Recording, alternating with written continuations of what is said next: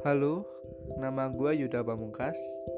Jadi di podcast ini gue nggak bakal banyak ngebicarain tentang kehidupan gue, tapi gue bakal ngebicarain banyak hal-hal yang asik dan menarik.